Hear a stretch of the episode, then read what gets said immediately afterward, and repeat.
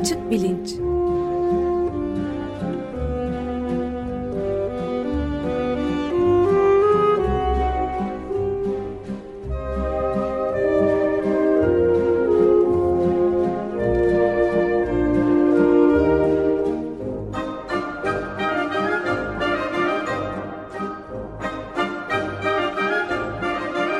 Güven Güzeldere ile bilim ve felsefe sohbetleri.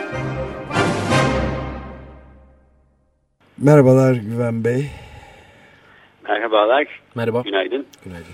Merhaba. Günaydın. Evet. Bugün e, Açık Beyin'de biraz Milgram deneyleri denen olaylarla mı nasıl başlıyoruz? Ufak bir düzeltmeyle Evet. başlayalım isterseniz. Açık bilinç. Ben ne dedim? Beyin dediniz. Öyle mi? Evet. Açık Beyin çok sevdiğimiz bir programdı. Yeniden gelecek. İnşallah çaya girecek diye bekliyoruz. Oğuz Tanrıdağ ile Hakan Gürüt'ün programı. E, çok da uzakta değiliz Açık Beyin'in Evet. Sürcü lisan ettiysek affola. Evet bu yol tempo ve hastalıklar beni bu hale getirdi işte. Bir Hakan Gürüt'e görünsem iyi olacak. Canım, çağrıştırıyor da o kadar şey yapmanıza. Mühim bir durum değil galiba. Değil değil evet. E, şimdi bu e, trolleybüs deneylerini artık bitirdik sayıyorum. E, üç haftadır trolleybüs ona mı çarptı buna mı çarptı e, filan diye konuşmaktan bir hal olduk.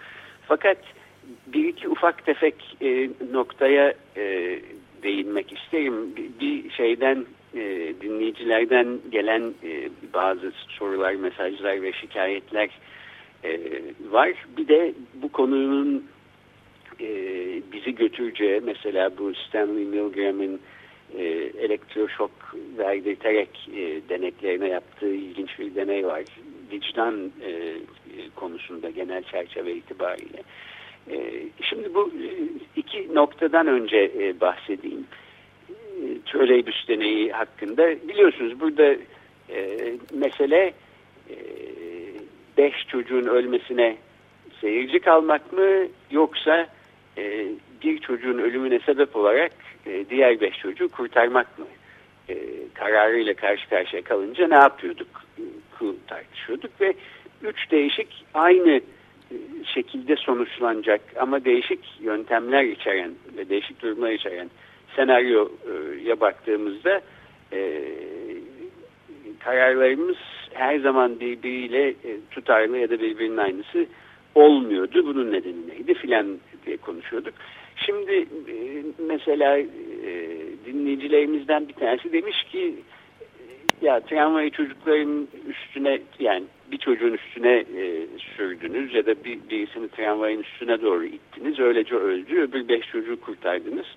Bu belki olabilir ama e, ameliyathaneye aldınız bir çocuğu onu kesip iç organlarını çıkarttınız. Diğer beş çocuğa e, naklettiniz. E, bu resmen cinayet. Bunu böyle ne, nasıl konuşabiliyorsunuz? E, olabilecek bir şeymiş gibi. Bu, bu diğerleriyle alakası yok. Bu başka bir seçenek. E, diye bir mesaj atmış mes- mesela. Doğru Anestezi dediği- yapsak da mı? Ee, doğru dediği resmen cinayet sahiden öyle. Fakat burada tabii çalışmanın göstermeye çalıştığı şey diğerleri de aslında resmen cinayet. Evet. Ee, yani tramvayı çocukların çocuğun üstüne sürüp vur, çarparak öldürdüğümüzde orada da aynı şekilde bir cinayet işlemiş oluyoruz. Ee, ama bir şekilde sanki o daha olabilir, kabul edilebilir bir şeymiş gibi gözüküyor. Ee, işte iş böyle kesmeye biçmeye daha bir kişisel bir şekilde bu işin içine dahil olmaya gelince e, daha kabul edilebile daha kabul edilemez buluyoruz. E, tam da burada kalmıştık. Geçen hafta niye bazı şeyler daha kabul edilemez e, gözüküyor tartışıyorduk. E, bu vicdan meselesinin altında yatan daha e, bir temel içgüdü olarak var olan bir e, çekirdek vicdan e, dediğim bir kapasite olduğunu ben düşünüyorum. Bunun içinde e, fren yaptırıcı böyle bazı durumlarda bize dur dedirtici e, yani düşüncemizden bağımsız olarak e, öyle yapmamız gerektiğini bilsek bile bize rahatsızlık verdirecek bir e, e, bir içsel e, eğilim olduğu kanaatindeyim. Aslında bu çekirdek vicdan dediğim mesele yalnız e, şeyer yaptırıcı bir özellikle alakalı değil. Bunun pozitif bir tarafı da var. Yani harekete geçirici ve e, insana bir şeyler yaptırıcı, yaptırmayıcıdan e, ziyade yaptırtıcı bir e, tarafı da var ve bu konuda bir sürü çalışma var. E, mesela 2009 yılında e, yayınlanan bir yazıda e, Trends in Cognitive Sciences diye bir dergide e, Leibniz'teki e, Max Planck Enstitüsü'nde çalışan Michael Tomasello diye bir e, krematolog ve psikolog vardı. O ve onun öğrencilerinden bir tanesi Felix Warneken. E, o da şimdi e, psikoloji bölümünde e, Harvard'da yardımcı doçent olarak burada işe başladı. Şunu e, gözlüyorlar. Henüz e, bir ila bir buçuk yaşındaki çocuklarda e, yani 18 aydan genç e, bu, bu çocuklar 18 aydan küçük. E, 18 ayda henüz çok fazla bir şey gelişmiş değil. Zor bela yeni ayağa kalkıp yürümeye başlamış e, bu çocuklar. Dil gelişimi daha çok en başlarında. Dünyaya ait böyle çok fazla bir e, bilişsel bir sofistikasyonun yanından bile geçecek halde değiller. Fakat e, şunu anlayıp hemen cevap veriyorlar. Şu gibi durumları etraflarındaki başka bir insan e, açık bir şekilde yardıma ihtiyaç duyacak bir halde kendini buluyorsa e, bu çocuklar e, yani bu çocuklardan kastım özel bir çocuklar değil. Bu e, işte denek olarak bu çalışmaya katılan 18 ay ve daha küçük e, çocukların hemen hepsi e, bu e, yardıma ihtiyaç duyan insanlara yardım etmeye çalışıyor. Nasıl? Mesela e, aynı odada e, çocukların gözü önünde yetişkinlerden bir tanesi masada otururken elindeki kalemini düşürüyor masanın öbür tarafına. Sonra uzanıp almaya çalışıyor ama alamıyor ya da alamıyor gibi oluyor. Bu, kolu yetişmiyor oraya ah, ah falan diye sesler çıkartarak kaleme yetişmeye çalışıyor. Ee, çocuklar hemen burada bir e, nasıl bir durum olduğunu anlıyorlar ve ilk iş gidip o kalemi oradan alıp o şeye veriyorlar e, yetişkin kişiye ya da kapıyı açması lazım yetişkin insanın ama elinde bir sürü kitaplar var. iki eli de dolu. E, açamıyor kapıyı. Kapının önünde e, şey yapıyor. Böyle bir zorluk içinde e, bir e, görünüm veriyor. E, çocukların işi gelip kapıyı açmak. İlk iş filan. Bunun bu yazıda, bu çalışmada bu tür özelliklerin başka primatlarda da gözüktüğünü, sosyal hayatları olan e, mesela şempanze yavrularında da aynen bu şekilde olduğunu ve e, bunun öğrenilen bir hareketten ziyade bir şekilde e, içten gelen e, bir eğilim olduğunu iddia ediyor yazarlar. E, eğer öyleyse e, işte bu e, içten gelen ve bazı şeyleri yapmamıza engel olan e, frenleyici vicdanın belki tamamlayıcı e, unsuru olarak böyle bir e, yardım ettirici, e, harekete geçirici e, vicdan, çekirdek vicdanın pozitif tarafı diye de belki bunu e, görebiliriz. E, ilk bahsetmek istediğim şey buydu. Evet. E, diğer kamlık e, meselesinin de belki en altında, en temelinde e, bu tür şeyler var. Şimdi e, bir şeyden daha bahsedeceğim. O da e, geçen haftaki programın sonuna doğru bu insansız hava araçlarından falan bahsettik ve e, dedik ki bazı teknolojiler bizim fail olarak harekete geçtiğimiz durumlarda üzerlerinde etkide bulunduğumuz objeler ya da kişilerle bizim aramızdaki mesafeyi arttırıyor.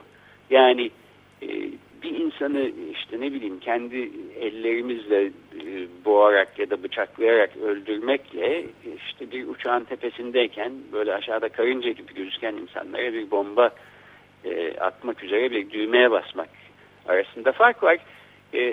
Uçak kendi başına binlerce kilometre uzakta bir ülkenin semalarında uçarken e, siz eğer oturduğunuz yerden e, şeyde bir takım video oyunu oynar gibi bir takım e, bilgisayar arayüzleriyle e, şey yapıyorsanız bu insansız hava aracını yönlendirip bir sürü insanın kafasına bombalar yolluyorsanız o zaman daha da farklı. Bu mesafe daha da artmış oluyor ve e, bu tür suçları işlemede e, en azından vicdani rahatsızlıkları giderek azaltan bir e, yere doğru gidiyor. E, insansız hava aracı gibi teknolojileri kullanmanın bu tür bir e, ciddi bir e, üstünde düşünülmesi gereken ahlaki bir yönü olduğunu düşünüyorum.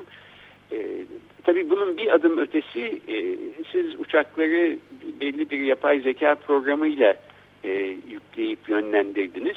E, dolayısıyla artık sizin fail olarak bir müdahalede bulunmanıza bile gerek yok. Sizin önceden yaptığınız bir takım varsayımlar, hesaplar neticesi uçak e, gidip kendi başına bir takım kararlar verip e, bir takım insanları öldürüyor olabilir. E, sizin bundan e, kılınız bile e, kıpırdamaz.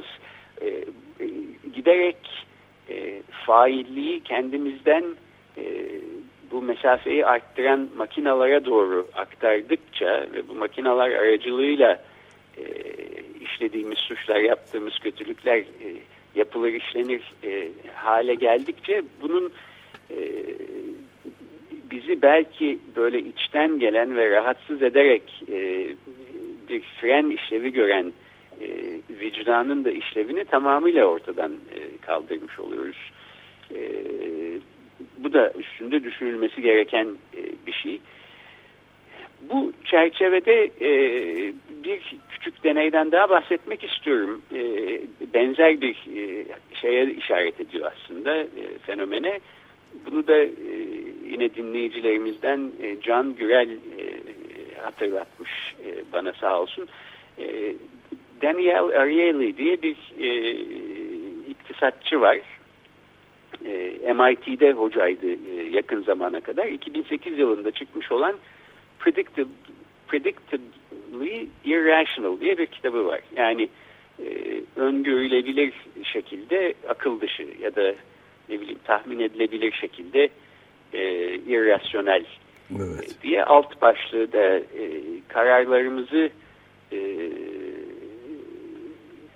şey yapan e, şekle şemaile sokan kararlarımıza şekil veren gizli güçler e, bu adam iktisatçı fakat aynı zamanda e, psikoloji ve beyin bilim deneyleri de yapıyor ve aslında e, iktisadın büyük ölçüde mikro iktisadın e, insan doğasıyla alakalı e, temel varsayımları konusunda çalışıyor.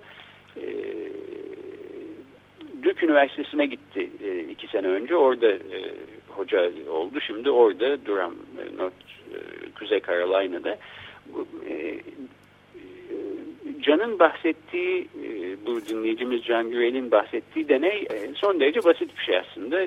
Şu, bunu şeyde belki açık radyoda sizin yapıp denemeniz de mümkün olabilir. Bu Amerika'daki üniversitelerin bölümlerinin genellikle böyle bir herkesin oturduğu, toplandığı salon gibi bir şeyi oluyor. Büyükçe odası, işte e, koltukların vesaire filan oldu. Orada genellikle bir tane de e, buzdolabı olur. İnsanlar da buzdolabının içine bazen kendi işte öğlen yemeği getiriyorlarsa onları işte yiyeceklerini, içeceklerini filan koyarlar. Bazen e, bu buzdolabından sizin getirdiğiniz yiyecek içeceklerin kaybolduğu da olur.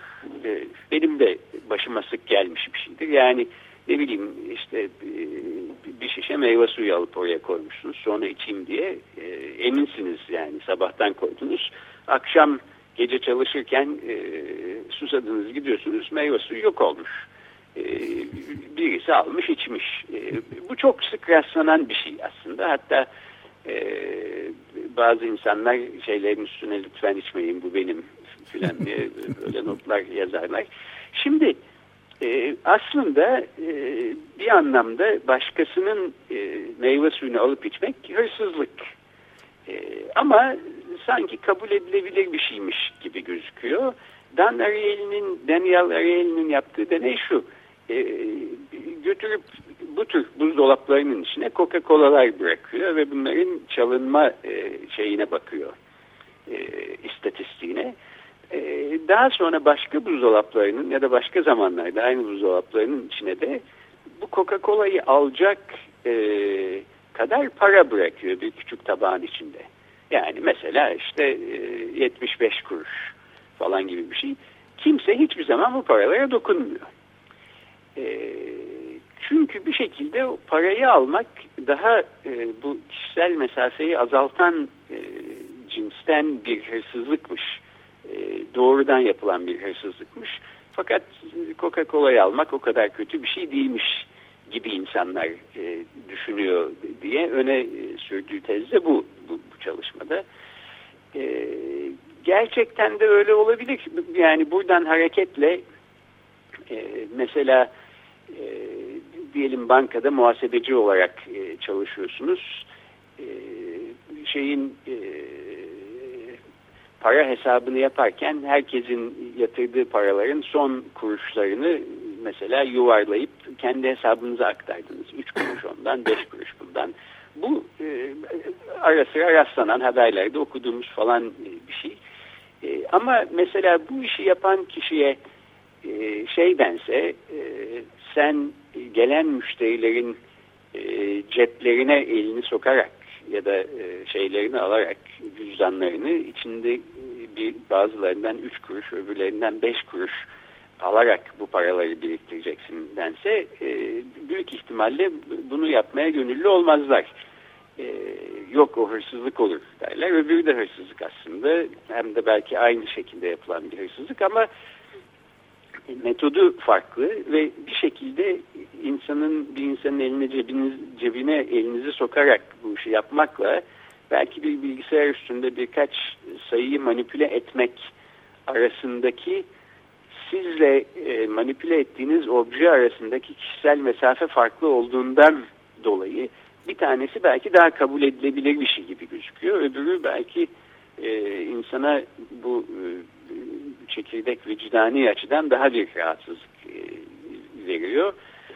E, bir Çek atasözü de e, zaten diyor ki küçük hırsızları yargılayıp asanlar büyük hırsızlardır. Burada mesele belki hırsızlığın ne şekilde yapıldığıyla alakalı evet. şeyden ziyade hırsızlık yapılıp yapılmıyor olmasıyla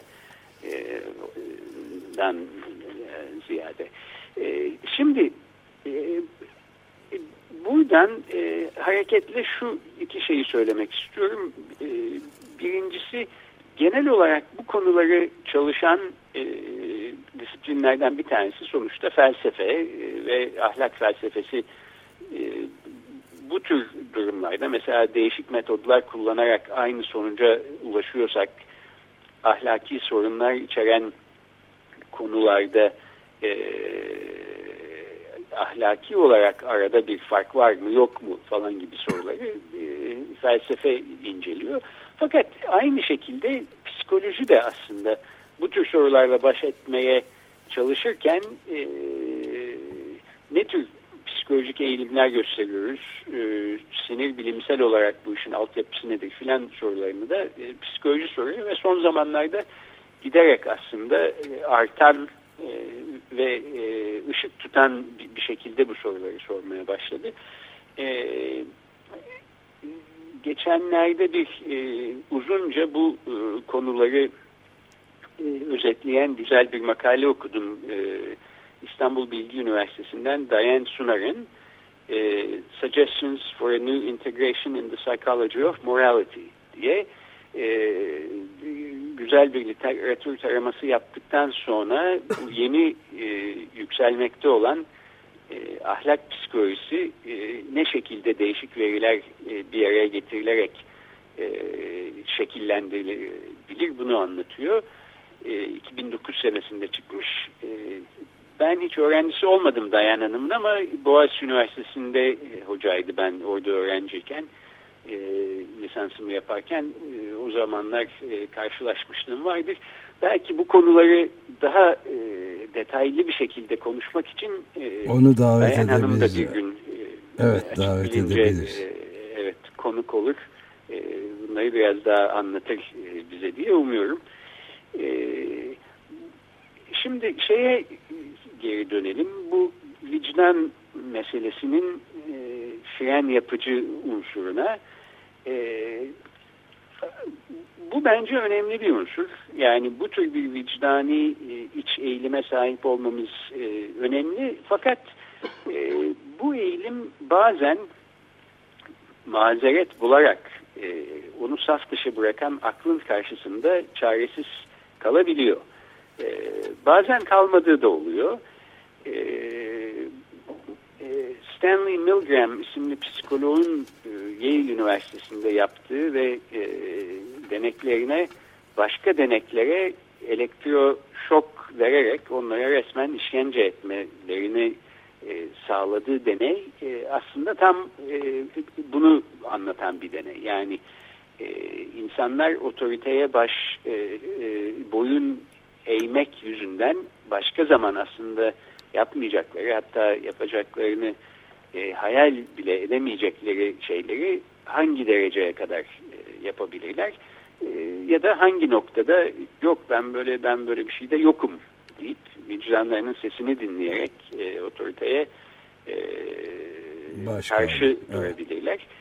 E, bu deneyi daha e, detaylarıyla anlatmak istiyorum fakat belki tam e, günümüzde bir konuya e, burada e, temas ettik taraftan Bradley Manning'in yaptıklarına bakarsak biraz e, bu otoriteye baş boyun eğmek yerine e, bir şekilde kendi içinden gelen bir sesi dinleyip e, başına gelecek şeylerin bir hayli ciddi e, sonuçları olmasına rağmen e, kendi başına bağımsızca hareket edebilmiş ve e, otoriteye baş kaldırmış bu anlamda bir kişi. Şimdi de aslında cezasını fazlasıyla çektirmeye çalışıyorlar. Böyle Evet, e, bu son askeri e, mahkeme e, duruşmaları başladıktan sonra e, Chris Hedges'in e, dün yayınlanan yani bu yayını yaptığımız e, bu kaydı yaptığımız gün yayınlanan yazısında aslında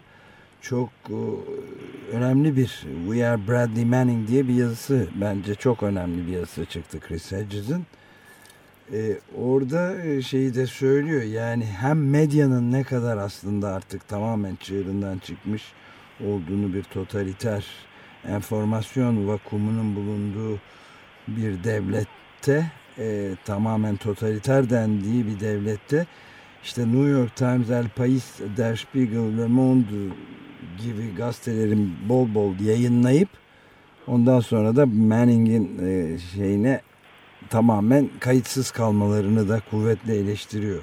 Bence çok haklı olarak belli başlı dünyanın Evet. bütün gazetelerin ama asıl e, tabii önemlisi Manning'in bu bin güne yakın süren işkenceyi de içeren şeyine rağmen e, çok zor şartlarına rağmen kendini son derece akıllı, zeki ve vicdanlı bir şekilde ifade eden bir deme, şeyi okuması ve o 2007 yılındaki Apache helikopterinden işte biraz önce bütün bu konuştuğumuz meselelerde üstelik de dronlar gibi çok uzak mesafeden de değil gözle görülür bir mesafede helikopterin üzerinden e, Reuters için çalışan e, Iraklı e, genç gazetecileri vurmalarının ve bunun ötesinden de büyük bir kana, kana susamışlıkla kahkahalar atarak bunu yaptıkları helikopterden açığa çıkmasının kendisini tamamen alt üst ettiğini söylüyor Bradley Manning. Ve üstelik de bunu yani şeye benzetmiş. Bir tane çok ciddi olarak yaralandığı açıkça videoda gözüken e, bir adamın durumunda giderken e, kendini e, mesela e, hadi kalk ayağa kalk ayağa da seni, e, silah eline al da seni de vurayım diye kışkırtan oradan e, askerlerden bahsedince çok büyük bir vicdani problem e, yani onların hiçbir vicdani problemi olmadığını ama kendisinin olduğunu bunları da üstelik Washington Post ve New York Times gibi gazetelere götürdüğü halde kendisi e, ne hiç iplemediklerini bunun üzerine işte Wikileaks'e gittiğini Julian Assange'e gittiğini söylüyor. E, evet. Sahiden de Amerikan medyasında benim de takip ettiğim kadarıyla Bradley Manning, Manning'in tarafından e, işler nasıl gözüküyor? Bu hemen hiç e, temsil edilmedi. Kimse e, buna böyle e, ciddi bir şekilde eğilmedi. Bu aslında e, sahiden utanılacak bir şey e, medya açısından. Yani New York Times'da işte önceki hafta bahsetmiştim böyle etikçi diye bir köşe var. Herkes e, e, ahlaki sorularını yazıyor. Onlar da akıl veriyorlar. Şöyle yaparsanız doğru olur, böyle yaparsanız doğru olmaz falan diye. Fakat e, kendilerine kendileriyle ilgili bir soru aslında sormak lazım. Yani bu Bradley Manning konusunda yaptıkları e, haber takibi ve şey yayın e, ahlaki bir e, şeye sığıyor mu, e, çerçeveye sığıyor mu diye. E, şu ilginç bir, bir soru. Yüzlerce belki Bradley Manning gibi insanın elinde bu bilgi varken e, bunların hiçbirisi e, bundan harekete geçecek kadar rahatsız olmadıkları ya da rahatsız olsalar bile harekete geçmedikleri halde e, nedir Bradley Manning'i e, harekete geçiren bütün sonuçlarına katlanmaya katlanmayı göze alarak e, harekete geçiren şey nedir? Ya da Bradley Manning gibi insanları e, nasıl? Evet, bütün mesele de bundan ibaret gibi gözüküyor. Yani çok en bütün bu haftalardır belki üzerinde konuştuğumuz şeylerin iyi bir örneği bu. Hem empatinin hem vicdan meselelerinin. Çünkü mahkemede e, yani bu korkunç sisteme rağmen 23 saat ayakta tutulan filan uyumadığı zamanlarda hep bir adamın gayet e, sakin duruşu, e, zekice cevap okuması, savunmasını yapması ve en önemlisi haysiyetli ve vicdanlı bir şekilde konuşuyor olması hepimizin içindeki en iyi duygulara hitap etti diyor Hedges ve işte bu yüzden hükümet ondan korkuyor zaten diyor. Amerika hala e, bazı kahramanları çıkarabilme, kahramanlar çıkarabilme yeteneğine sahip Bazıları üniforma içinde ama şimdi onları Kodes'e tıkıyor. Evet Amerika Birleşik Devletleri ordusu da bunu e, otorite itaatsizlik ve düşmanla işbirliği olarak nitelendiriyor. Evet, e, otoriteye itaatsizlik olduğu kesin. Tam da o yüzden e, aslında sahiden büyük bir evet. tehdit. Çünkü askerlik yararsı içinde insanlar kendi vicdanlarıyla hareket etmeye başlarlarsa o sistemin çözülüşü demektir. Dolayısıyla bütün güçleriyle sahiden yani e, e, sonuçta Amerikan ordusu çok çok çok güçlü bir kurum. Arkasına devleti de almış vaziyette ve bu tek bir e, kişiyi, bir bireyi 25 e, etmek, yaşında küçücük yok etmek için e, sahiden e, yıllardır yani şeyde tabii unutmamak lazım. Adam yıllardır izole bir şekilde e, hücrede e, kaldı. Ne olacağı bin gün evet. E, yani bir mahkemeye çıkartılıp çıkartılmayacağından bile büyük ihtimalle emin değildi. E, mahkemeye çıkartılıp idamda edilebilir, işte bir kazaya da kurban gidebilir. Eminim e, bu tür belirsizlikleri yaşaması için e, gereken her şeyi de e, yapmışlardır. Buna rağmen e, böyle ayakta kalabilmiş olması e, sahiden öyle. E, çok e, etkileyici. Yani ben de bir eğitmen olarak mesela önem verdiğim ve en çok yapmayı istediğim şeylerden bir tanesi anlattığım işte ne bileyim 3-5 olguyu, bilgiyi tabii ki öğrencilerim öğrensin istiyorum. Fakat kendi başlarına düşünüp e, bağımsız bir şekilde gerekirse e, ayağa kalkabilecek insanlar olarak yetişmesi bence eğitimin yapması gereken en önemli şeylerden. Evet, sü evet. sürede bitmek üzere ama Aslında, Can bir şey evet, söyleyecek. Sormak istediğim soruyu belki önümüzdeki haftalara saklayabiliriz ama bundan önceki programlarda ufak ufak da olsa e, ipuçlarını verdiğimiz ya da daha doğrusu anlat, anlatacağımızı söylediğimiz Milgram deneyi üzerinden yani 1963'te e, Anormal ve Sosyal Psikoloji dergisinde yayınlanan daha sonra da Otorite İtaat e, Deneysel Bir Bakış adlı kitap içerisinde derinlemesine incelenen e, Milgram, Stanley Milgram'ın e, teorisi üzerinden kuran deney üzerinden Bradley Manning'i nasıl görebiliriz? Çünkü tam tersi bir durum da olabilir. E, tam tersi bir okuma da gerçekleşebilir. E, bir diğer taraftan da diğer konularla da bağlam içerisinde tutabiliriz şu anda galiba Bradley Manning'in durumunu. Galiba bu da ee, bir evet. sonraki haftaki e, programımıza kalabilecek gibi duruyor bu sorumda. Tamam, aynen öyle. Bence de Milgram deneyi tam bu Bradley Manning konusuyla da e, alakalı. E, hem deneyi anlatırız hem de Bradley Manning meselesini e, yeniden ziyaret etmiş oluruz gelecek hafta. Güven Bey çok teşekkürler. Hoşçakalın. Görüşmek üzere. Ben teşekkür ederim. Hoşçakalın.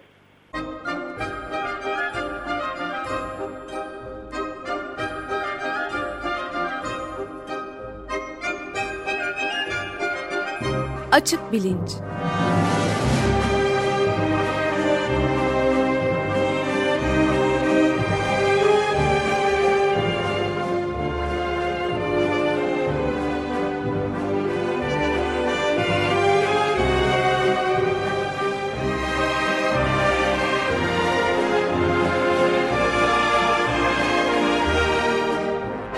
Güven Güzeldere ile bilim ve felsefe sohbetleri.